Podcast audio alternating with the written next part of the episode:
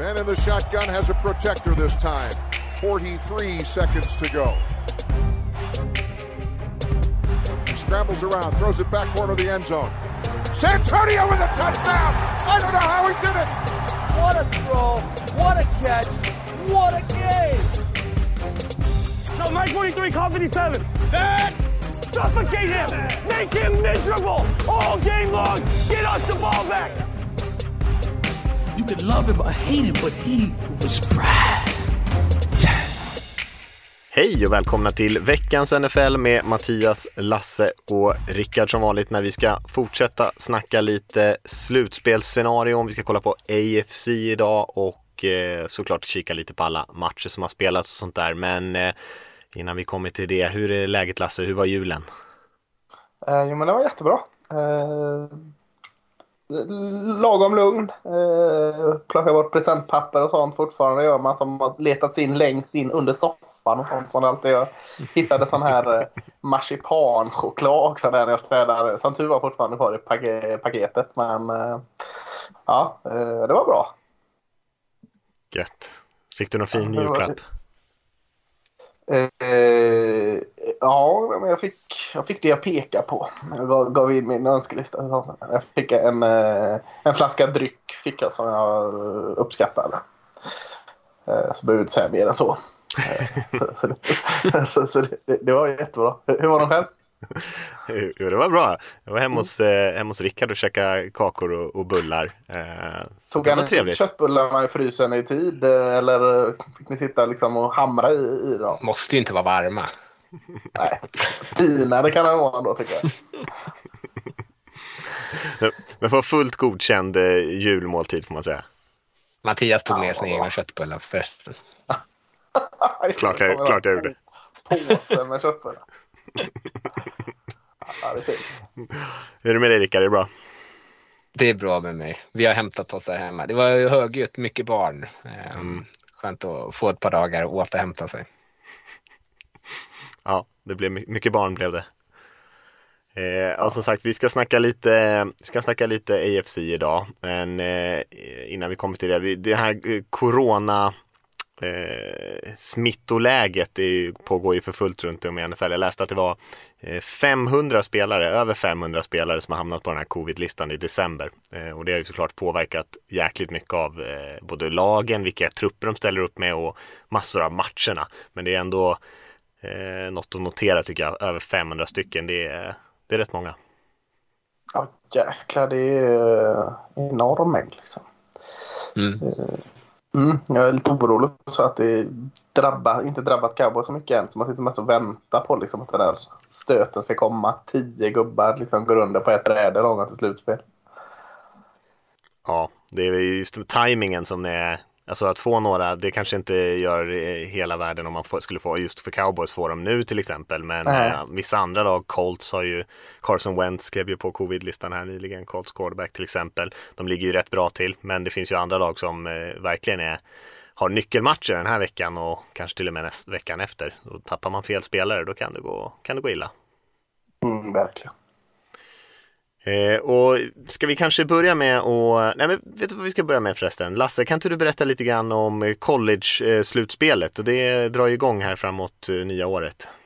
Absolut. Eh, det, är, det är så dumt att de åter har fått för sig att lägga den här semifinalen. Det är ju två semifinaler och sen final i slutspelet så det är fyra lag där de har lagt båda semifinalerna på självaste nyårsafton. Så att eh, det är svårplanerat där men eh, jag har inte gett upp hoppet om det. Eh, det är eh, Alabama mot Cincinnati i ena eh, i Cotton Bowl och så är det Michigan mot Georgia i andra i, eh, jag tror det är Orange Bowl. Eh, Cincinnati som är första laget utanför den här Big Five, som de här fem stora starka konferenserna. Eh, och sen har du Group of Five, de lite på pappret sämre konferenserna. Det är det första laget någonsin under slutspelet som har tagit sig till slutspel eh, utanför det.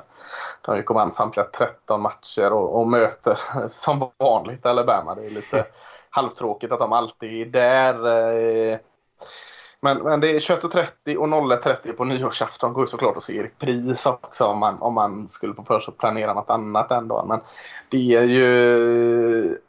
Ja, det är relativt öppet. Man har ju såklart Alabama som favorit i den här matchen mot Cincinnati. De har ju Heisman-vinnande quarterbacken Alabama, Bryce Young. Och så som vanligt har de ett smäckat försvar med bra spelare.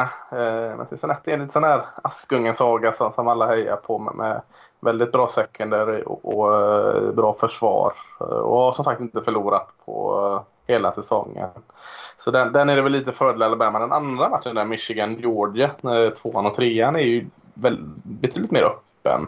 Georgia gick ju som tåget hela säsongen men så åkte de dit ordentligt mot Alabama i den här SEC-finalen. Så, så, det är lite så man har frågat om de har tillräckligt tuffa matcher hittills. Så att den är lite mer öppen mot två riktigt, riktigt starka försvar som möts där. Och, och är man inte helt inbiten i college så är det ju en jädrans massa första rundeval i de här eh, matcherna. Vi har i Michigan så svarar edge rushen Aiden Hutchison där som många sätter som nummer ett i draften. Du har eh, en corner i Cincinnati, Sauce Gardner som många tar i första. Du har eh, ja, kan säkert ha fyra stycken eh, Georgia-spelare. Interna linjen där, eh, defensiven Davis och Wyatt där som, som många pratar om i första. Så att, eh, förutom att det är jäkligt spännande så är det ju Eh, också intressant att få första blicken på de här, för snart börjar vi sitta med de här mockdraftsen. Så, eh, eh, men det, det, känns som två riktigt roliga matcher, men jag tycker den Georgia-Michigan där med, med Harba, Harbas Michigan som äntligen har lyckats komma så långt är lite extra speciell. Ja, intressant. NFL-bekantingen Jim Harbaugh där eh, som var i 49ers. Men han hade väl en ganska skakig start på sin eh, tid i Michigan vill jag minnas. Men nu har han väl blivit ganska hyllad för vad han har gjort i år. Ja, men det har varit tufft fram till i år egentligen. Han har aldrig liksom kommit över det här guppet att slå Ohio State. Michigan och Ohio State är ju ärkerivaler där och han har hela tiden lyckats förlora mot dem. Även mot lillebror Michigan State har han haft det tufft. Mm, mm. Så det har inte riktigt spelat någon roll hur det har gått annars. Han har alltid liksom förlorat mot Ohio State som då har tagit sig vidare istället för Michigan. Men, men i år, när de, han är ju glad i det här passanfallande spelet men nu har han liksom rannsakat sig själv, tagit in nya coacher, sett vad han har för lag. Så nu, nu är det ett starkt försvar och springa, springa, springa, springa med bollen som gäller i Michigan och då, då gick det. I varje fall ända till semifinal. Så eh, ja, han, just nu är han väldigt populär. Låter lite som Harbo, hans gamla 49ers-lag också. Ja, bra, bra försvar att springa han, boll. Ja, men i college är jag mer känd som den här eh, QB-viskaren från hans Stanford-dagar med, med eh, Andrew Luck och, och den biten. Så att ja, kanske hans NFL-sida har kommit fram och kommit mer till rätt i college möjligtvis. Mm, intressant. Vad, vad, är, vad är grejen att de eh, lägger matcherna på nyårsafton egentligen? Alltså jag tänker ja, det är ju lika stort där som här höll jag på att säga. Ja, eh, absolut. Men nu, nu är det väl eh, lite schysstare tider där i varje fall. Eh, 21.30 kanske man kan stå och, och eh, vad vet jag, vända oxfilén i smör medan man kollar på matchen eller vad man nu ska laga för middag. Men jag, jag tycker det är jättekonstigt. De frångick ju det eh, ett par år eh, de hade det innan men nu är de tillbaka till det och jag har inte riktigt fattat vad liksom vinningen är med det. Alls. Man, man borde kunna bara vänta en dag. Mm. Mm, kul, ja, det är såklart det ska man ju försöka ratta in ändå. Oavsett om det blir mm, live eller inte, båda matcherna. Men eh, ja, kul med lite, och kul med Cincinnati också som du säger. Jäkligt ja, verkligen. Det, Eh, det går bra i, i staden Cincinnati nu när det kommer till fotboll i alla fall. Bengals eh, flyter på fint och så eh, katterna i eh, collegefotbollen går också väldigt fint. Just det. Eh, ja, ska vi kika tillbaka lite vad som hände vecka 16? Vi skulle ju kunna, bara för att det blev en så fin övergång där, börja med Cincinnati kanske och säga någonting om den matchen. Eh, och det var ju Bengals som mötte Ravens där. De vann ju med 41-21 och Joe Burrow hade ju en eh, superdag. Han slutade ju med 525 yards i passningar och var ju uppe där. Han är uppe på någon topplista i NFL-historien av i antal yards. Och då hade han till och med en, en touchdown som blev struken där på slutet när han gick över 500 yards och kom upp i 5 TD. Men men lyckades ta igen yardsen där i alla fall. De fortsätter kasta matchen igenom där. Nu hade ju Ravens Ja, de hade väl kanske sina sju eller åtta första corners skadade och borta i den här matchen, men ändå. Passningen ska ändå sitta och Burrow har ju spelat bra i båda matcherna mot Ravens i år. Absolut. Eh, det är klart det var, det var en tacksam eller en, en liksom no-brainer att köra den playcallingen. Att, att passa på, på det Ravens var. Framförallt när man har Jamar Chase och, och underskattade T. Higgins som, som bollmottagare. Men, men eh, ja, eh, Ravens är skadeskjutna just nu. Så, så eh, men, men ja, det, är, det är trots allt NFL. där, sätta upp den statistiken som jobbar och gör det är ju fantastiskt. Ja, att, sen så här, visst man kanske inte ska stå och slå sig för bröstet för att man gör den här vinsten och dominerar. Det kanske man förväntas göra när det är så många spelare borta. Men eh, det, det, du pratade ju förut om det Lasse, några veckor sedan, att det här med att vinna stort och övertygande oavsett motstånd är en ganska schysst eh, självförtroende-boost. Eh, mm. Och det är ju tacksamt så här in i slutspelet. Eller snart in i slutspelet. Verkligen. Ja, och Trey Hendrickson där med sin 14 sack pass rushen som de värvade inför den här säsongen har ju varit en supervärvning för Bengals. Försvaret spelar ju också bra i den matchen. Eh, vi hade ju mm. första matchen var ju länge, länge sedan. Det var ju dagen innan julafton till och med när Titans vann över 49ers med 2017. Kanske ändå värd att nämna tycker jag. Tennessee hade ju också jättemycket spelare borta och det har de haft länge här nu med A.J. Brown tillbaka, hade ju 11 mottagningar i den matchen. Eh, 49ers flyttade ju bollen rätt bra men hade ju två picks där från Jimmy G och även fast deras försvar spelade relativt bra och fick väldigt bra press på på Titans som saknade rätt mycket spelare på offensiva linjen så lyckades Titans vinna den matchen och för 49ers var det ju en, kanske en, en eh, jobbigare förlust än vad det var en, eh, en sweet victory för Titans där. 49ers hade ju behövt den. Ja, men frågan är om inte Titans behöver den också. Alltså det här getingboet som vi kommer komma in i sen med AFC. alltså, kan inte hålla på och, och ge bort snälla eh, vinster till andra som råkar behöva den lite mer. eh, nej, det är strångt av Titans. Jag, jag eh, gillar ju eh, Mark Rabel och eh, hans staff. Sättet de anpassar sig i matcherna har imponerat över ganska länge. Eh, det finns många grejer som, som kanske är mindre bra och, och, inte ser så bra ut. Men att han inte är rädd att se vad han liksom ser och lita på det och ändra om. Det tycker jag är en styrka som många, många tränare kanske kan men är lite för tröga att få till. Det tycker jag Rabel och hans mannar är duktiga på.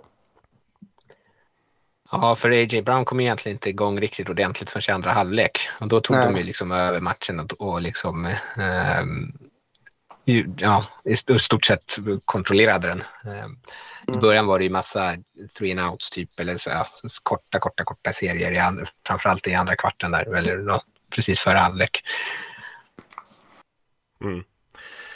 Eh, vi kan hoppa till den här Packers-Browns-matchen. Packers vann ju med den med 24-22. Eh, Rodgers tog ju det här eh, franchise-rekordet av antal touchdowns över Brett Favre eh, som blev lite snackis under den här matchen. Men sen att Mayfield, eh, Baker Mayfield i Browns kastade fyra interceptions i den här viktiga matchen för Browns var ju kanske inte Eh, Eh, ja, det var ju väl kanske också något man tog med sig från matchen men inte på den positiva sidan direkt. För annars spelar ju Browns ganska bra där. De snittar ju nästan 9 yards per springspel, sprang för över 200 yards. Chubb gjorde ännu en jättematch.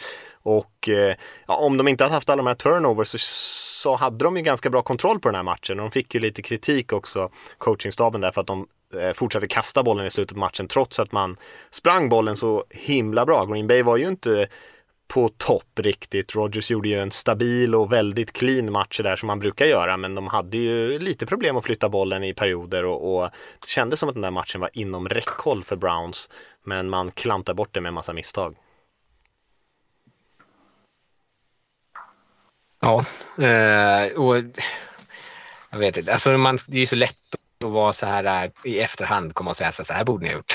Eh, kan jag tycka. Eh, men sen ja, Baker har varit skadad hela säsongen, kommer till, precis tillbaka. Jag vet inte om man hade tränat under veckan eller inte eh, så kanske man hade varit ännu klokare att lägga mer vikt på springspelet som var så som fungerade och har fungerat så bra. Men eh, ja, hade han inte kastat fyra interceptions hade man inte sagt att de skulle springa bollen så mycket. Kinem som är backup-QB för Browns va? Ja. Eh, det, jag tycker det är så, jäkla, alltså det är så väldigt tydligt att Baker Mayfield inte ens är 70 procent. Eh, på de här pixarna gör alltså, jag är inte världsmästare på att se all teknik i en QBs liksom, rörelse, plantera fötter och arm och så. Eh, alltid i, i, under matchens gång. Jag behöver nästan stillbild och sitta och pausa för att se de grejerna. Men, men eh, jag tyckte det ser så jäkla tydligt ut att han är hämnad. Hela hans kropp är inte återställd. Och eh, kanske inte att det kanske hade blivit två pix av fyra om, om man eh, hade varit helt återställd. För att jag tycker inte Baker Mayfield är så dålig som han just nu är. Eller det är han inte. Eh, men, men, jag tycker man ska sätta honom just nu för att eh, funkar han inte bättre än så så ah, hur mycket sämre kan det vara med Case Keenum om han är 100 procent?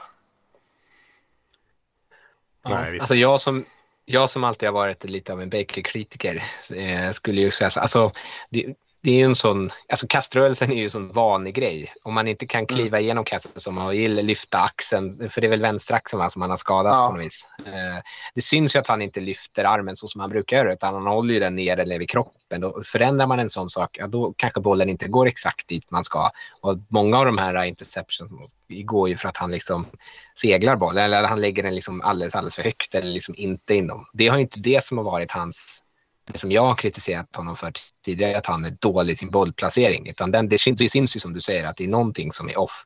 Ja. Uh, sen har inte jag så stort förtroende för Keenum, men då kanske man skulle kunna gå in med en annan gameplan, liksom att bara, uh, ja men vi kör Keenum och så kör vi korta enkla postpassningar som han åtminstone ja. kanske sätter, istället för att uh, hoppas på att Baker inte liksom negativt påverkas av sin axel. Nej, men precis. Och så lite släppa trycket från den här Baker Mayfield-grejen mm. också. Och, och, en vecka där han får vila, det kanske gör att han är uppe i 80-85 procent och då uh, gör det skillnad. För att, ja, jag tycker det ser så oerhört uh, fel ut i hans uh, kaströrelse just nu. Och, jag tror det är därför de förlorar. För att han inte är hel. Och, och då tror jag att Case Keenum kan vara skillnaden. Mm. Och de har väl även Mullens där som har spelat en hel del också. Så att eh, de har ju lite alternativ ändå. Eh, ja, det kanske vara. Jag tycker att han har spelat, jag, alltså, jag håller med er om att det är lite underligt med Mayfield för han är ju inte Alltså, som sagt, han är ju inte, eh, har ju inte dålig accuracy, han har ju inte dålig bollplacering vanligtvis. Det är inte det som är problemet. Det har ju varit att han har varit lite lite panikartad ibland i stressade situationer, tagit lite dåliga beslut och den typen av grejer snarare. Men att han inte ska kunna lägga bollar till öppna receivers utan liksom segla den över huvudet på dem. Det är ju inte någonting som han vanligtvis brukar göra. Så det är ju någonting Nej. konstigt som händer där. Vi hade ju en annan intressant match där. Colts spelade ju nattmatchen där efter det eh, och spöade Cardinals med 22-16. Eh, eh, Colts också ett lag som hade väldigt många spelare borta. De köttar ju på rätt bra där. Vi har ju pratat om Colts tidigare att de är ju ett sånt där lag som ja, kanske inte är så sexigt alla gånger utan bara ganska bra på allting och det var väl en sån match här också. Taylor var ju inte så dominant som han har varit i vissa matcher. Carson Wentz däremot spelade bra, försvaret imponerade trots att man saknade eh, Darius Leonard och man hade inga sacks eller den typen av statistik utan bara liksom stängde ner Cardinals ganska effektivt och vann i slutändan. Eh, väldigt viktig match för dem och Cardinals som som vi pratade om förra veckan verkligen haltar in här i slutspelet med mycket förluster på senaste tiden.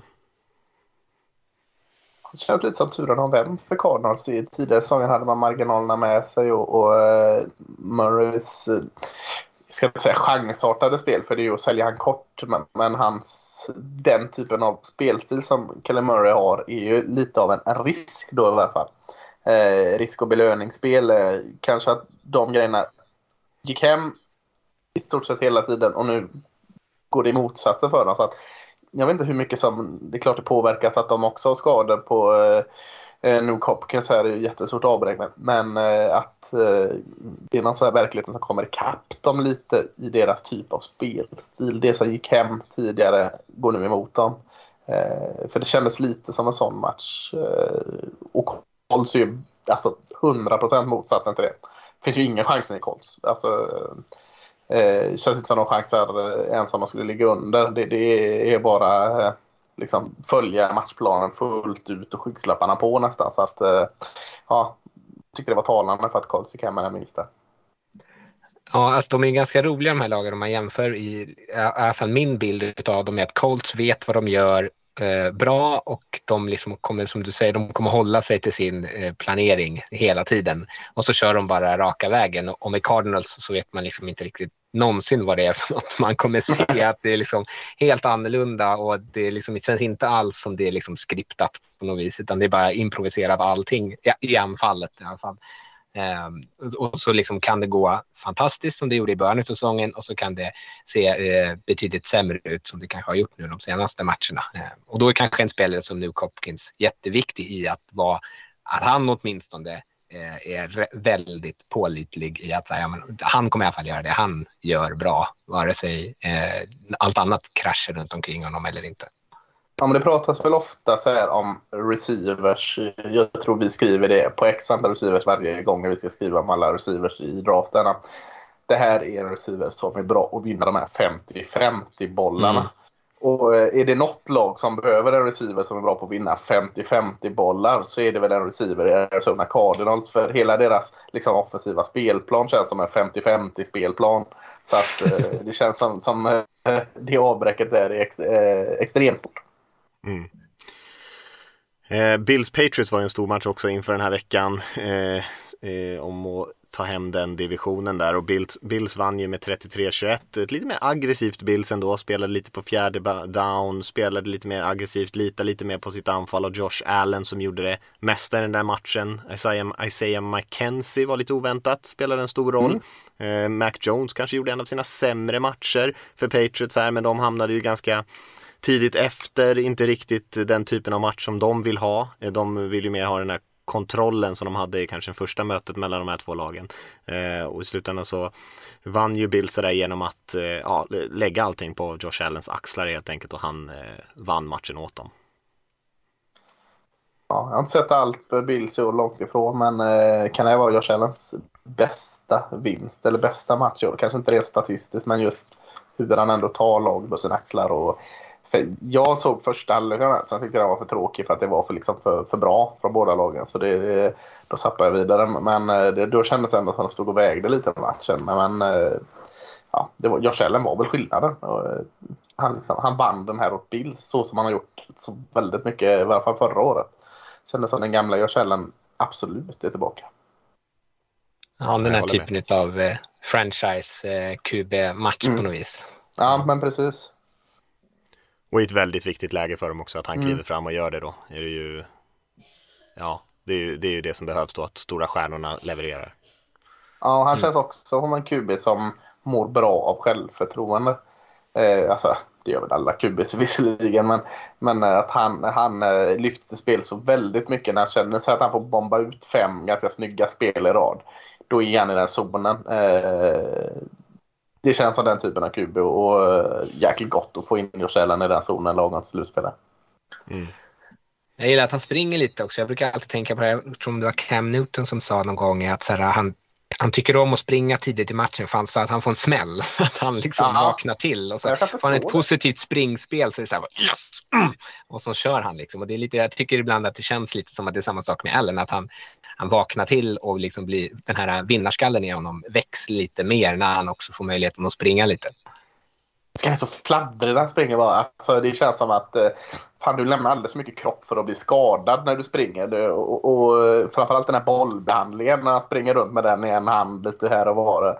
Jag hade varit väldigt rädd. Eh, han är ju duktig på det men, men jag hade varit väldigt rädd för om jag hade haft en QB. Att, eh, antingen han skulle gå sönder eller att bollen skulle bara poppa ur hans hand. Han är ju så mycket större än vad man tänker sig att han är. Ja, ja men det kanske är därför han ser fladdrig ut, tänker jag. Mm. Han är ju, eh, ja men det är ju lite som Cam Newton. Han, Cam Newton fick ju för sig massor av skadeproblem sen. Man trodde mm. att han var eh, Stålmannen som han själv kallar sig. Eh, och att han aldrig skulle gå sönder för att han var liksom den största spelaren på planen. Så känns det ju med Josh Allen lite grann. Han känns ju nästan ostoppbar på de här spelen på fjärde down när han springer bollen. Alltså att det är det är få QB som kan springa in den på det fysiska sättet som man gör i alla fall. Vi har Lamar Jackson-typerna som liksom skuttar åt sidan och håller på. Men Allen känns ju som att kommer det liksom en linebacker så, så truckar han bara rätt igenom linebacken. Eh, ja, det kan ju såklart leda till skador och, och fumbles och sånt där. Men ja, det är svårt att stoppa honom om man inte eh, får ut bollen eller att han ja, ramlar på något tokigt sätt eller något sånt där. Mm. Eh, storskrällen den här veckan, Texans spöade Chargers 41-29. Eh, också en sån där match med många, båda lagen hade många spelare borta. Eh, och eh, men Texans löste det bättre än vad Chargers gjorde i alla fall får man säga. Och Davis Mills och Rex Burkhead där i anfallet gjorde ju, eh, ja, öste in poäng helt enkelt. Och så blev det några misstag från Herbert och, och Chargers kunde inte hänga med längre.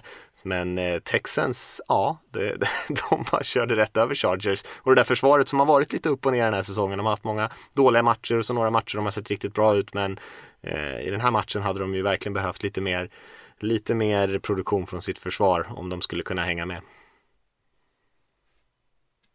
Ja. Eh, det är en taskig grej att säga att den här typisk Chargers eh, sak att ha för sig. De har ju haft eh, ett par säsonger där allt, det har sett bra ut och så, så här, torskar de i, i slutskedet. Det har, det har de ju haft ett par säsonger där de gjort i stort sett varje match också. Eh, men jag tror att det snarare, jag tror inte att det här är liksom eh, att de håller på att tappa bort sig ur slutspelet. Men eh, ett var snarare att de kanske gick in i den här matchen och tänkte ja, det är Texans, vi, det, vi löser liksom. Eh, och så var de kanske inte riktigt så förberedda som de behövde vara. För Texans, som du sa, de, de saknade ju fler spelare än vad Chargers gjorde. Eh, och de har ju knappt några bra spelare redan från första början. Eh, så det är... Det, det, är liksom, det, deras tröst då, liksom. de spelarna som var borta de var ändå inte särskilt bra. Det var deras bästa spelare, men de var inte så bra. Det är ingen större skillnad om de slänger in. Det är också practice spelare hela truppen. Så länge de har Rakes Burkhead så, ja. så är det lugnt.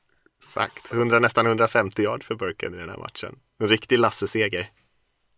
Ja, viktig var. Viktig var Davis Mills, sneaky bra. Spelat sneaky bra de senaste veckorna. Ja, börjar komma upp argument för att det är den bästa rookie-kuben nu. Jag, jag, jag håller nog Mac Jones lite högre än henne. Men, men uh, det, det, är roligt när man får liksom, det finns någon form av liksom uh, backa upp det med. En sån här seger är det lätt att dra den. Att vi har den mm. bästa rookie-kuben i Mills. Ja. Ja. Han var ju väldigt bra den matchen. Ja, det finns kanske skäl. Han kanske kan spela sig till ett, eh, att de inte behöver plocka, liksom panikplocka en QB i draften i alla fall. De kanske kan sitta som att årets grupp ändå inte verkar vara så stark. Att bara låta honom, eh, ge honom en chans ett år till. Ja. Ja, det är ingen brådska. De måste ha in mycket spelare på alla positioner. Så att, eh, ja det hjälper kanske inte att få in en ung QB här eh, som är jättehögt draftad eller någonting. Utan det är kanske lika bra att vänta lite med det. Sen hade vi ju rätt mycket utklassningar. Alltså Dolphins spöade Saints med 23. Eh, Waddle var tillbaka och, och storspelade. Miamis försvar hade 8 sacks på stackars Ian Book där som spelade för Saints. Bucks Panthers 32-6. Mycket folk borta där också. Antonio Brown räckte för, för Tampa Bay i anfallet att han var där och försvaret hade sju sax och gjorde resten kan man säga. Cowboys Washington slutade väl 56-14 tror jag. Eh, mm. Och blev, var en riktig utklassning. Micah Parsons ännu en sack. Diggs med sin elfte interception. Eh, ja, det blev bara eh, lekstuga helt enkelt i de där tre. Hoppade medvetet över eh, divisionsvinsten här för Raiders. Ja just det, stor vinst för Raiders också. Ja men den, den kan Rickard eh, slänga in där. Ja, jag, jag sa ju innan i förra veckan att det här skulle vara en sån här tröstlös match för två lag som tror att, eller som på något sätt eh, kommer halka sig kvar i slutspelsdrömmen eh, fast de inte har där att göra. Och så kan man väl ändå säga, Raiders vann den här trots att de hade tre helt hemska turnovers. Så det var inget lag som eh, kunde vinna den, snarare bara ett av dem som lyckades förlora den på något vis. Men eh, ja, jag skickade någon sorts GIF på, eh, i Frankenstein hur den här doktorn säger It's alive. Och det, det, så känns det med slutspelshoppet. Snart märkte vi verkligheten och så, så dör vi igen. Ja, ni lyckades vinna trots att du mötte Drew Lock där. Så, uh, trots det. det var ju faktiskt inte så mycket. Alltså, han spelade kanske inte superbra, men hans receivers tappade också ett gäng bollar och de hade inget springspel. Så han fick ju inte så jättemycket hjälp. Nej. Nej, men eh, bra att du nämnde det där Lasse. Det, så Raiders lever ju faktiskt fortfarande. Vi ska ju prata om eh, slutspelsracet här nu och det finns ju faktiskt en tydlig väg för Raiders att nå slutspel. Man mm. hade ju nästan räknat bort dem, eller man hade räknat bort dem, eller jag hade räknat bort dem ska jag säga. Jag ska inte säga man där. Jag hade räknat bort dem. Men eh, de är ju faktiskt eh, högsta grad vid liv. Just win baby-mantrat måste ju liksom slås ut så in i helsike på stora trumman nu för dem. Absolut. Ja, eh, tränaren gick ut och sa att eh, it's nice to be relevant in December. Eh, så det är just be relevant baby är ju det som gäller. Ja. det är lite andra krav just nu. Ja. Ja, det är bra. Ska vi, eh, vi, ska vi hoppa in och kolla lite grann på slutspelsbilden? Vi sa ju att vi skulle prata lite grann om AFC och det var kanske bra att vi väntade en vecka. Det är lite, lite tydligare i AFC just nu. Eh, är det men, Ja, lite, men det finns ju fortfarande en hel del lag som slåss om de här sista slutspelsplatserna. Det är det ju. Det är ju totalt tror jag i ligan är det 24 lag som fortfarande liksom lever. Så att det är ju, de flesta lagen är ju fortfarande med i slutspelsracet sett över båda konferenserna. Eh, vissa har ju kanske bättre eh, chanser än andra. Men eh, Ja, det ser väl ganska tydligt ut kan man ju säga i alla fall att det är bara ett lag som har tagit en slutspelsplats än så länge i AFC och det är ju Chiefs. Och sen så ser det väl väldigt bra ut för de här AFC South-lagen, Titans och Colts. Eh, och det ser ju rätt bra ut för eh, Bills och Patriots i AFC East också. Men eh, de är ju inte helt klara alla de där och det finns eh, ett, eh, ett gäng lag som slåss om de sista platserna som sagt. Ja, ja, det tycker jag det. Jag känner mig mest, jag känner mig egentligen bara trygg med, med tre lag. Det är Chiefs, Titans och Bills. Eh, kanske ska lägga dit Patriots som fjärde lag, men, men eh, ja, jag tycker fortfarande det är, det är bara tre lag som inte är, är med i snacket. Det är Jets, Jaguars och eh, eh Texans. Texans. som är eliminerade. Broncos, Broncos bör inte vara med i snacket. Nej, de, de har det tufft. Ja, är det sant. Eh, ja, eh, men, men Chiefs är klara sa vi. Mm. Mm. Titans är väl klara. Alltså 10-5 ligger man på nu va? Eh, ja. Två förluster på det och jag tror nog man är klara ändå. Eh, som, det, som det blir. Möter eh, Miami och Houston så att en av dem ska man väl vinna. Eh, annars så får man nog säga att nej, vi hade inget i slutspel att göra. Så jag tycker nästan man kan bocka in dem i att de är klara också. Eh, men så efter det är det väl in, inte givet. Någon av, eh, ja, nej, jag, jag vet inte. Nej, Raiders har ju lite egna händer. Alltså de möter ju Colts borta och sen Chargers. Det är ju två tuffa matcher, men vinner man de matcherna så är man vidare. Men det, det ser ju, eh, det är ju en ganska snårig väg till slutspelet för dem annars, om man inte gör det. Eller man kanske till och med mm. måste vinna båda de två för en chans va? Nej, kanske skulle kunna torska en om, om alla andra resultat liksom faller om deras ja, väg så att säga. Eh, och sen har vi ju ett, alla lag i AFC North egentligen förutom Bengals är ju Eh, de, det ser bra ut för Bengals. De leder ju den divisionen eh, med nio vinster än så länge och eh, ligger rätt hyfsat till. För de andra tre lagen, Browns, Ravens, Steelers, har ju också en chans att ta sig till slutspel allihopa. Eh, men den chansen kanske inte är jättestor för dem. Men eh, den finns där. Nej. Just nu är det väl Chiefs, Titans, Bengals, Bills, Colts, Patriots och Miami som har slutspelsplatserna. Mm. Eh, tror jag. Bra, ja. Ja, eh, och eh, de som ligger risigast till av dem vi nämner där så skulle jag vilja säga att eh, Miami är väl det laget som ska puttas ner där. För de andra sex där, Patriots, Colts, Bills, Bengals, Titans och Chiefs känns, tycker jag, som slutspelslag just nu. Alla de lagen bör ta sig till slutspel med bara en vinst av de två sista, känner jag. Mm. Så att är det för liksom hårt att säga att det, det står om en plats mellan eh, vad blir det? Dolphins, Ravens, Chargers, Raiders, Steelers och Browns som slåss om en jäkla plats? Ja, eller det, ja. Alltså jag tror att det finns ett scenario där Colts, eller det finns ett scenario där Colts tappar den. Sen tror jag att det är ytterst osannolikt. Eh, dels ska de ju förlora båda två och sen ska ju andra matcher också eh, liksom gå emot dem. Och jag tror inte att de torskar mot Jacksonville sista veckan. Eh, de har ju stor chans att bara, att, eh, undrar om de blir klara bara de vinner mot Vegas. Det blir de. De blir klara om de vinner mot Vegas nu. Mm. Så, eh, och det finns ju, även om, nu var ju, hade de ju covid där, det är Sam Ellinger eh, som startar eh, så finns det ju fortfarande en chans att de vinner den eftersom att de bara kan springa bollen så bra som de gör. Större chans att vinna. Han är ju fantastisk med min gamla Texas QB. Större chans. Jag, jag skulle säga ja. dock att Bengals kanske inte är mm, riktigt så säkra som några av de andra. De möter ju Chiefs här i första matchen och den är ju tuff. Ja. Eh, kan ska nästan räkna in en förlust där och sen har man ju faktiskt borta mot Browns sista omgången och ja. skulle man torska båda de matcherna, ja då finns det en hel del scenarion där Bengals inte når slutspelsplatsen. Nu har ju Bengals spelat bättre än Browns i år, men, Bengals, eller, men Browns vann ju förra matchen mellan de här två lagen. Kanske ser en mm. lite piggare, friskare Mayfield då, vi får se. Det är inte säkert att han har den typen av skador som ens läker. det vet vi inte riktigt. Uh, men ja, de är inte riktigt så safe som, som några av de andra tycker jag.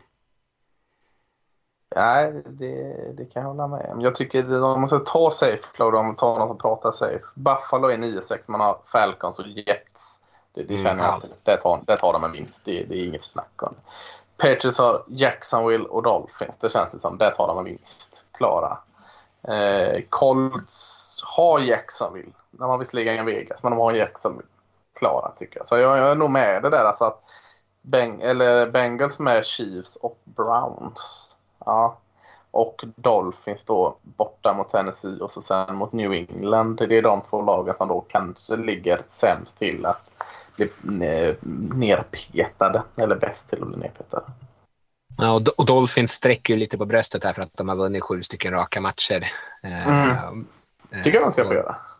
Ja, absolut, det tycker jag. Men ja. sen har de ju vunnit mot rätt sopiga lag. Jag tror att de har ett record, alla deras motståndare. Och man räknar, Ravens-matchen är imponerad, men om man tar bort den, om man tar bort Ian Book och Saints eh, liksom, halva offensiva linje så har de ett record av 21-54. Då liksom Panthers 5-10 är det bästa laget som de har mött. Så mm. jag, jag, de behöver ju visa då i de här två resterande matcherna att de faktiskt har ett slutspel att göra. Eh, och så på så sätt är det ju eh, positivt, eller positivt, men det är kul att se dem möta Tennessee nu här då, nästa, mm. nu i helgen och sen Patriots sista veckan. Eh, för ska de in i ett slutspel så ska de vinna de två matcherna.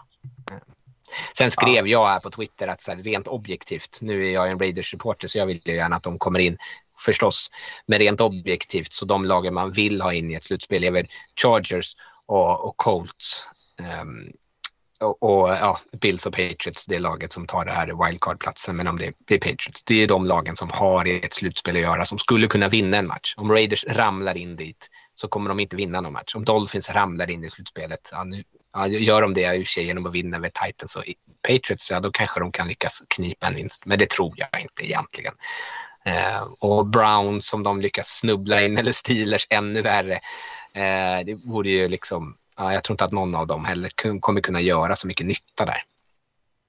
Nej, jag är beredd att hålla med dig där. Eh, Tänker just på antal vinster som krävs. Eh, vi pratar om de här, den här gruppen som jagar dem. De ligger väl på 8-7 hela det gänget där om, om vi inte tar med Pittsburgh som har ett kryss och, och Cleveland mm. då som är 7-8 där det är minimal chans för. Men, men 8-7, eh, alla de lagen borde väl ha, alltså vinner, de vinner nu kan inte alla de här lagen vinna båda matcherna för de möter varandra och annat sånt men skulle något av de här lagen hamna på 10-7 så är det väl en slutplats. Det finns ju det finns vissa matematiska eh, Eh, situationer där, de, där liksom man kan fortfarande missa det trots 10-7. Men eh, det, jag. Det, det, det är osannolikt tror jag. Det är lite ja, kul det du är inne på. Det du är inne på är ganska kul att det är så många av de här lagen som är i striden som faktiskt också möter varandra nu de sista mm. veckorna. Ja, men det är ju det. Alltså. Eh, Miami möter ju två lag som kanske inte är inne i, Tennessee inte inne i striden, men Patriots är ju det. Eh, Baltimore eh, möter Rams tungt visserligen och sen Steelers som kanske är inne. Men sen har du Chargers som möter ditt Raiders till exempel och du har eh, ditt Raiders som möter både Colts och Chargers. Eh, Steelers som möter eh, Browns och Ravens och, och Browns i sin tur möter då Steelers och Bengals. Så att, ja, det är, det är jäkligt många bra matcher och eh, kanske inte kommer vara lika många bra matcher efter nästa vecka då eftersom eh, vissa såklart har slått ut då. Men, men talar för att det kommer vara ända in i det sista kommer det vara här avgöra så det är ju skitkul. Mm, verkligen. Ja det är det ju verkligen och det är ju intressant match mellan eh, ja, Brown Steelers är ju en väldigt viktig match för AFC-slutspelet här nu som ni säger och så Tennessee Dolphins också såklart. Och ja, det känns som att det är det är många som eh, är desperata nästan av att ta båda de här vinsterna för att ha en chans ens. Så det kommer mm. säkert mm. klarna ganska, ganska snart här. Jag, jag tror ju ganska mycket på att Chargers har en bra chans. De möter Broncos och de möter Raiders. Jag, jag, de borde ta båda de matcherna. De, säkert lite besvikna på att de sumpade den här Texans-matchen. Det var ju eh, väldigt, väldigt eh, onödigt och slarvigt för dem om de tänker att de ska vara ett slutspelslag så måste de ju vinna en sån match såklart. Men eh, ja, Dolphins tror jag har det väldigt svettigt för att ta sig till slutspel faktiskt. Jag tror att de kommer åka ur. Men alltså, jag säger så här då att uh, Chiefs, Titans, Bills och Patriots. Är det någon som uh, säger sig emot eller motsäger sig det om jag tar in de fyra lagen i slutspel? Patriots, Bills, Nej. Chiefs och Titans. Nej. Är ni med på dem eller? Ja, absolut. Fyra. Uh, om jag tar in ett femte i Colts, är det lite kärvare då? Nej, de är klara tror jag. Nej, Nej femte. Då har vi två lag som som slåss om det. Då är det just nu Bengals och Dolphins. Eh, som är där just nu. Men man, då får ni ta ut de två sista lagen som går till, till, eh, till slutspel i AFC då. Rickard? Ja, alltså jag tror ju att Chargers tar en av de där platserna i alla fall. Ja, ska slå Denver och ditt eh, Las Vegas då. Ja. Uh, Jag vet inte, vilka, vänta, vilka sa du? Colts? Ja, men jag, jag, jag tror att det blir Bills, Patriots därifrån. Eh, någon av dem tar den här wildcard-platsen. Colts tar en wildcard-plats och Chargers tar en mm. wildcard-plats. Mm. Och sen Bengals tar några. Bengals tar det också, ja. Ja, det tror jag nog ändå. Jag tror att de kniper någon av dem. Jag tror att de kniper den mot Browns. Eh, och jag tror att de andra i, i divisionen inte eh, tar sig upp till 10. Vad är det? Är det Ravens? Men de har ju tiebreaker över Ravens eftersom att de har vunnit över dem. Ja, precis. Vad tror du Mattias? Jag tror samma. Jag tror att Browns kanske har en chans att sno platsen före Bengals. Eh, att det kommer hänga på den där sista matchen, sista veckan mellan Browns och Bengals. Och den som, de som vinner den kanske tar den sista slutspelsplatsen. Men Bengals eh, ligger ju bättre till. Men eh, ja, jag, ska, jag skriver inte av Browns. Jag tror att det kommer stå mellan ja. de två om den sista slutspelsplatsen. Ja, den matchen känns jäkligt rolig sista veckan. Browns mot eh, mot Bengals då, förutsatt att Cleveland lyckas vinna borta i Pittsburgh. Och, mm, det eh, tror jag att de gör. Ja, för då spelar det ingen roll om Bengals förlorar mot Chiefs eller inte. Nej. Ja, men för, spännande. Fasken var fortfarande rörigt. Jag känner mig inte riktigt trygg heller, men eh, jag tror nog som ni tror också. Där. Jag vill ju lite tro på eh, Dolphins. Här. Det har varit roligt, men jag köper helt Erik att säga. Jag, jag ser inte riktigt vad de ska, vad de ska göra i slutspel. Nej, inte jag. Och, och, jag tänker också att Bengals känns ju roligare än Browns att ha i slutspel. De är mer värda det tycker jag. Eh, de har ju också gjort mm. en del plattmatcher, men det är ändå Browns känns ju som att de har eh, varit en stor besvikelse i år. Om de skulle ta sig till slutspel och hacka sig in där före Bengals skulle ju varit Ja, det är kanske inte så tråkigt för Browns-fansen just, men annars känns det ju lite segt. Bengals känns ju som ett lite hetare lag i år, tycker jag. Mm. Sen det lever väl fortfarande att att eh, Bengals har inte vunnit en slutspelsmatch sedan 1994 tror jag. Det är något sånt ja. Mm. För de var ju där ett gäng gånger när Andy Dalton mm. fortfarande var, var, kunde mm. göra skada i ligan eller nytta i ligan. Men de åkte ju alltid ut första där så att kanske det får vara deras Super Bowl och, och vinna en match, ta sig över det guppet. Ja, ja visst. Ja, det är kul, kul ungt lag. Mm. Bengals. Mm. Det skulle ju vara roligt tycker jag. Om de eh, kan göra lite oväsen av sig i slutspelet. Eh, ja, ska vi kika lite grann? Vi har varit inne lite grann på det. Vi kanske ska eh, kolla lite grann på sista veckan här vad det finns för matcher. Det finns ju ändå en hel del intressant att titta på. Eh, som inte kanske som inte har nämnt än. En del matcher har vi redan nämnt. Eh, Rams, Ravens är väl kanske en hyfsat intressant match där på, på söndagen vid 19-tiden i alla fall. För Ravens är Inga lördagsmatcher eh, nu va? Det, var, det är slut med det fram till slutspel va? Nu är mm. det tillbaka söndag klockan ja. sju va? Mm. Ja. ja, exakt så är det. Eh, men det känns som att Rams kommer ta den matchen ganska lätt. Men för, för Ravens skull så är den ju viktig. Men det känns inte riktigt som att de är relevanta just nu. Nej, eh, alltså det De är halta skadade. De liksom drar sig fram, hasar sig fram just nu Ravens. Så, nej, det känns som Rams är, är också kul att se det vad, vad Cooper Cup Du, du var inne på det för några veckor sedan. Att jag säger att borde det inte vara läge, borde inte han ha chans på det här all time receiving yards rekordet? Och det har han väl nu. För han fortsätter ju bara och radar upp yards. Så att, eh, om inte annat kan man kolla hur, hur många yards han får och hur mycket eh, McWay beordrar Stafford att bomba ut på honom. Och, och i, i, Ravens eh, corners så, så äh, tar upp hela Baltimore Memorial Hospital så, så äh, finns det goda chanser. ja, han har ju en bit upp. Han måste göra några bra matcher här på slutet. Här har han en bra chans, men han är uppe över 1700 yards. Men det är ju en bit upp fortfarande till rekordet. Så att, mm. Skulle behöva slänga in en 200 yarder eller någonting här mot Ravens. Eh, ja, vad det nu är för personer som spelar i deras secondary nu för tiden. Men eh, ja. ja. Dolphins Titans känns Lamar, kanske mer intressant. Lamar är väl tillbaka till den matchen kan man ju lägga till, tror jag. Och det kan ja, ju vara en, en grej. Ah. Jag tror att han skulle träna nu eh, eh imorgon, tyckte jag jag såg någonting om. Så det kan ju vara någonting. Mm. Det är en väldig skillnad i så fall. Ja, absolut. Ja. Ja, förlåt, nu får du gå vidare till Dolphins om du vill. Dolphins Titans, vi har redan nämnt den matchen men den blir ju viktig. Eh, I alla fall för Dolphins. Eh, Titans känns ju relativt, relativt säkra som vi pratar om men ändå eh, de vill ju säkra den där slutspelsplatsen 100% såklart. Och det, det, finns ju en chans att Dolphins, om de vinner den här och tar sig till, till slutspel, att de hamnar på sämsta sidningen och att Titans, det finns ju en stor chans att Titans hamnar på näst bästa och då möts de igen i slutspelet. Så eh, om inte annat så kanske det är en försmak på det om, det, om allt faller den vägen. Mm. Kul i den matchen är ju att se, alltså, förutom att Dolphins har sju raka, är ju det här samarbetet mellan Tua Tagovailoa och Jalen Waddle, de två Alabama lagkompisarna oerhört fint mm. ut. Alltså genom årets första säsong är, eh, eh, som verkligen levererar, levererat. Så att, eh, det är ju en, en match som är, är eller en matchup som är riktigt rolig och, och ser, det ser så oerhört fint ut när de två hittar varandra. Eller när Tua hittar Waddle. Ja, han börjar närma sig 100 mottagningar, Waddle, sin första säsong. Mm. Han har ändå missat lite matcher, så, eller missat ja. lite tid i alla fall. Även hur många matcher han har missat, men han var ju borta veckan innan den här senaste i alla fall. Mm.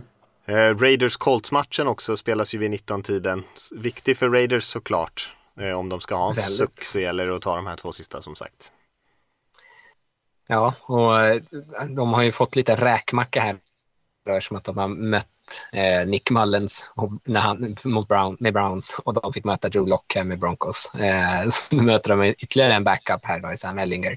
Eh, och de saknar Quentin Nelson Garden, de saknar eh, Eh, Darius Leonard, linebackern. Så liksom, ska, om de på något sätt ska ramla in i ett slutspel så ska man ju kunna vinna över den här typen av lag. Eh, det har inte kanske sett jätteövertygande ut, eh, men eh, om det är något som de kanske ska ha cred för så är det att de ändå har eh, Brown sprang helt okej, okay, men man begränsade det eh, helt okej, okay, ganska bra ändå. Eh, och man stoppade ju totalt eh, Broncos springspel. De sprang ju för åtta yards tror jag, deras running backs gemensamt. Ehm, så kan man liksom göra den typen av insats en gång till, ja, då kanske man kan. Men eh, Jonathan Taylor är ju eh, lite av ett, en annan varelse. Jag tänkte det, vad har ni där bak som är tillbaka från covid? Ni hade knappt en linebacker. Jag såg han Divine Diablo spela senast. Eh, mm. Han är till och med han är, det är, han är inte bara en sjukdomsgrej, eh, utan han har tagit över jobbet från Corey Littleton som har spelat ganska ja. dåligt. Eh, och han, Diablo har spelat helt okej. Sen är han inte kanske den bästa springspels eh, Nej, jag tänkte han var lite liksom. på college. Ja. Mm, precis. Eh, och han har lite svårt ibland att se sina, alltså hinna läsa till ett springspel. Så även om han är där så kanske han tillåter två yards för mycket. Liksom. Eh, men Denzel Perryman har ju spelat jättebra, framförallt mot spring. Eh, och sen så har han covid... Eh... Han var med senast. Han var borta mot Browns. Men han var med ah, nu okay, senast. Eh, och det, han gör jättemycket nytta i bland annat det och sen att det är han som är en sån här uh, play caller på, uh, på planen. Ah. Så uh, mycket handlar ju kanske om hur, hur bra vapen har man på utsidan eh, och behöver man vara speciellt rädda för dem. Broncos receivers hade en del chanser eh, och borde kanske ha fångat in en del avgörande passningar. Och det hade hjälpt dem. Eh, Colts har ju kanske inte den här superstjärnorna på wide receiver, men vinner de sina one-on-one matcher där ute så kan ju Raiders inte bara sätta liksom alla spelare i boxen. Så jag tror, jag tror att Colts måste våga spela lite mer aggressivt än vad de andra lagen har gjort. För Raiders defensiva linje har spelat bra ändå. Ja, vänta bara. Det, Sam Ellinger är ju den moderna Tim Tebow. Så bara vänta bara när han kommer och, och trycker Truckarna. sig igenom Mm. Perryman och Diablo och allt vad det är liksom för att Ja. eh, dra extra yards. Ja, ja, ja. Vi får se. Aldrig här så mycket på Colts som denna jag gör denna vecka. Det är taskigt.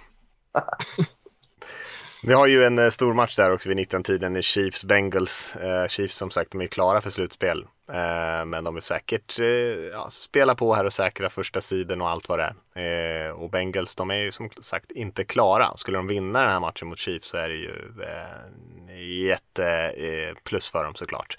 Men det är, det är ju två eh, bra lag i alla fall. Det känns som en intressant match.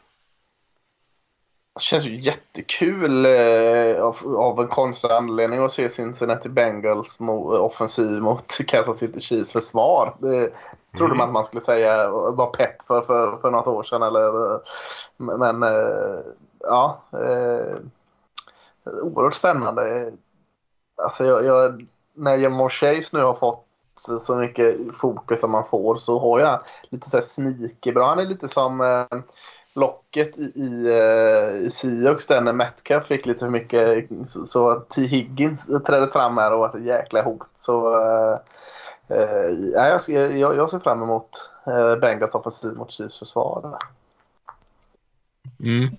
De spel, Chiefs försvar spelade dessutom jättebra här senast. Mm. Ehm, Så eh, absolut, det här är ju en, en riktigt bra match. Så Chiefs kan ju till och med, vinner de den här och lite allt annat ramlar deras väg så kan de till och med säkra första sidan redan nu i helgen. Och då skulle de ju teoretiskt sett kunna vila spelare sista veckan och då liksom få två veckors eh, soffliggande. Eh, eller vad man nu gör när man vilar. Men kanske inte det de gör. Mm. Nej, nej, men det är ju en jättefördel för, för dem såklart att kunna spela hemma hela, genom hela slutspelet, få stå över en match och allt vad det är. Eh, så att de kommer säkert komma taggade till den här matchen. Så det, jag tror att det blir ganska tufft för Bengals ändå. Chiefs har ju spelat väldigt bra på senaste tiden. Både klickat lite på försvaret som har spelat mycket bättre som ni säger, men även anfallet har ju eh, eh börjat se ut lite mer som det vi har känt igen från senaste tiden, fast de saknar lite spelare här senast. Eh, ja, jag vet inte vad det är mer för intressanta matcher. Vi har en Broncos Chargers känns ju inte sådär eh, som, som två eh, superspännande lag just nu. Men för Chargers är den ju väldigt viktig i alla fall. Broncos är ju mer eller mindre eliminerade. Men för Chargers är den ju väldigt viktig att bara klara av den matchen, ta den vinsten och gå vidare och hoppas att man eh, fortfarande kan säkra en slutspelsplats sista veckan. Sen har vi ju en eh, sen match mellan Cardinals och Cowboys som på pappret ser ganska intressant ut. Men jag tycker inte vi behöver säga så mycket om den. Båda de lagen är klara för slutspel redan. Så av den anledningen så är inte den så superintressant. Och sen har vi ju... Jag tänkte eh, flika in där en match 22.05 där eh, Trey Lance eh, får ju gå in och, och, och rodda för 49ers och, och försöka klara av det Justin Herbert inte gjorde och slå Houston Texans. Eh, kan man ju säga lite skämtsamt men det är ju ändå Trey Lance eh, i ett sånt här skede också när den här matchen är lite av vinna eller försvinna för 49ers får han kliva in här och, och ja, Jimmy Garoppolo den här, vi pratade om det innan vi tryckte på inspelning här att eh, Lynch är, eh, vad är han, generalmanager i 49ers. Eh, eh, råkade trycka på like på någon, någon tweet där eh, något arg fans hade skrivit lämna kvar Jimmy i Nashville efter förlusten eller vad det var de spelade efter förlusten senast. Och så hade Lynch råkat klicka på like där och, och eh, sa att nej, det var en sån här fick-klickning eh, vilket jag låter väldigt konstigt. Men men eh, så, så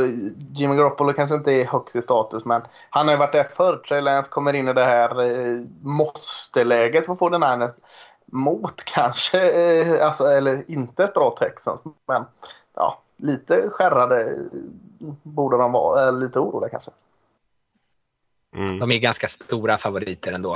Eh, och, nu- vi kan ju tillägga att det är för att Jimmy Garoppolo han har skadat tummen va, som gör att Ja, han inte kan är spela. inte- Det är inte att han är bänkad för att han kastar två interceptions Han är inte lämnad i Nashville eller vad det nu var. Han Han är inte kvar där.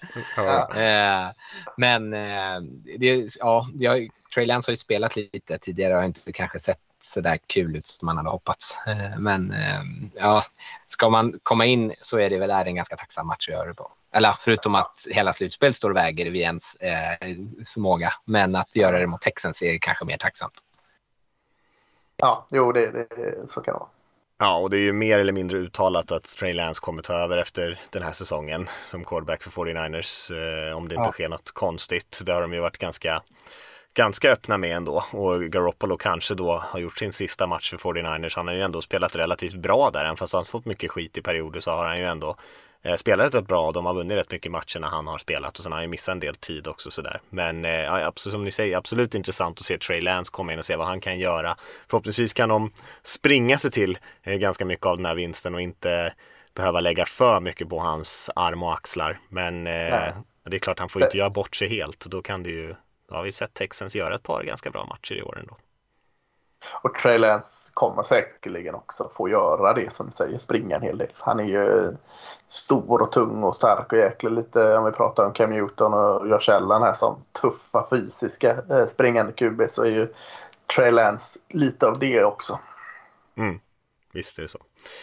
Eh, vi har ju sent på söndagen där så är det ju Vikings Packers. Känns ju inte heller stekhet. Packers är ju 12-3 eh, redan. Så att de är ju klara och ser ju eh, väldigt bra ut. Även som man vunnit några tajta matcher på senaste tiden och kanske inte superimponerat så, så eh, känner man väl ändå att de kommer diska av Vikings ganska lätt där och sen har vi en Monday Night Football-match mellan Browns och Steelers som är kanske desto viktigare då eh, för vem som kan kanske ha en chans att knipa de här AFC-slutspelsplatserna.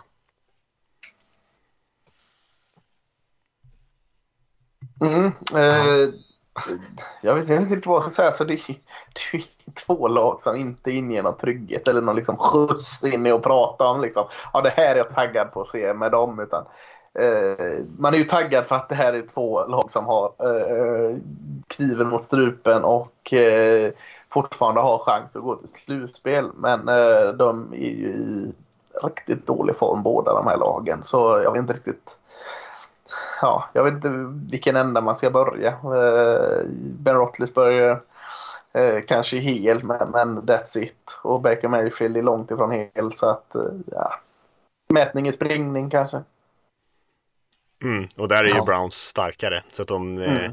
det är klart att Steelers försvar kan ju spela bra. De eh, hade ju lite problem här senast mot springspelet och sådär. Och eh, ja, det talar ju lite för att Browns ändå ska, jag tror att Browns tar den här matchen. Eh, har inte sådär jättehögt förtroende för Steelers just nu. Eh, och kanske inte jättemycket för Cleveland heller om man ska vara ärlig. Men de, jag tycker att de känns som det bättre laget ändå. Ja, Ja. minst dåliga den här matchen håller jag med dig med.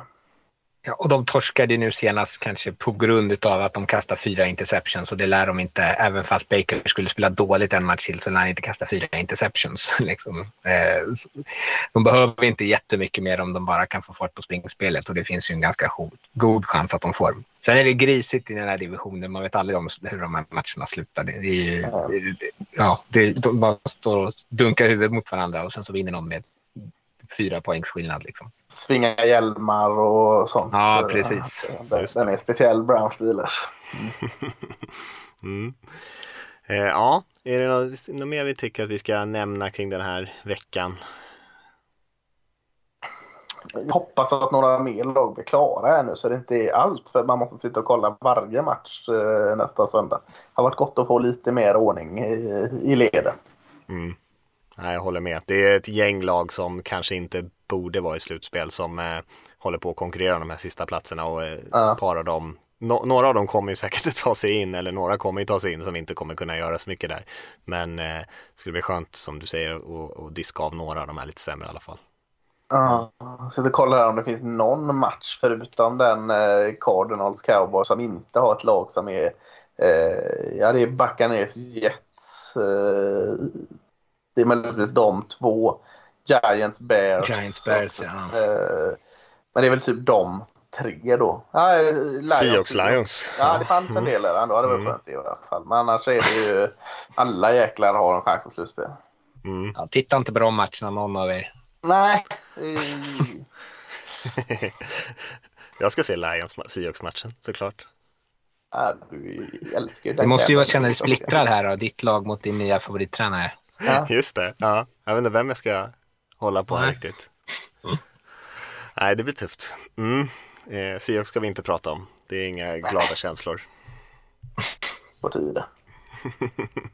Att ni får känna lite motgång. Ja, ja, det kanske är det. Det kanske är det. Men det gör lika ont ändå, Lasse. Ja, det vet jag. Eh, ja, nej, men vi eh, kanske rundar av så då. Det är som sagt finns mycket att hålla koll på, finns många matcher att titta, många olika slutspelsscenarier. Hoppas vi inte förvirrade er mer än att gjorde någonting tydligt när vi pratade om slutspelsbilderna, men det är ganska stökigt. Eh, men annars får ni ha en bra vecka där ute så hörs vi, hörs vi nästa år helt enkelt. Ja, gott nytt på er. Gott nytt år. Ja. Gott nytt!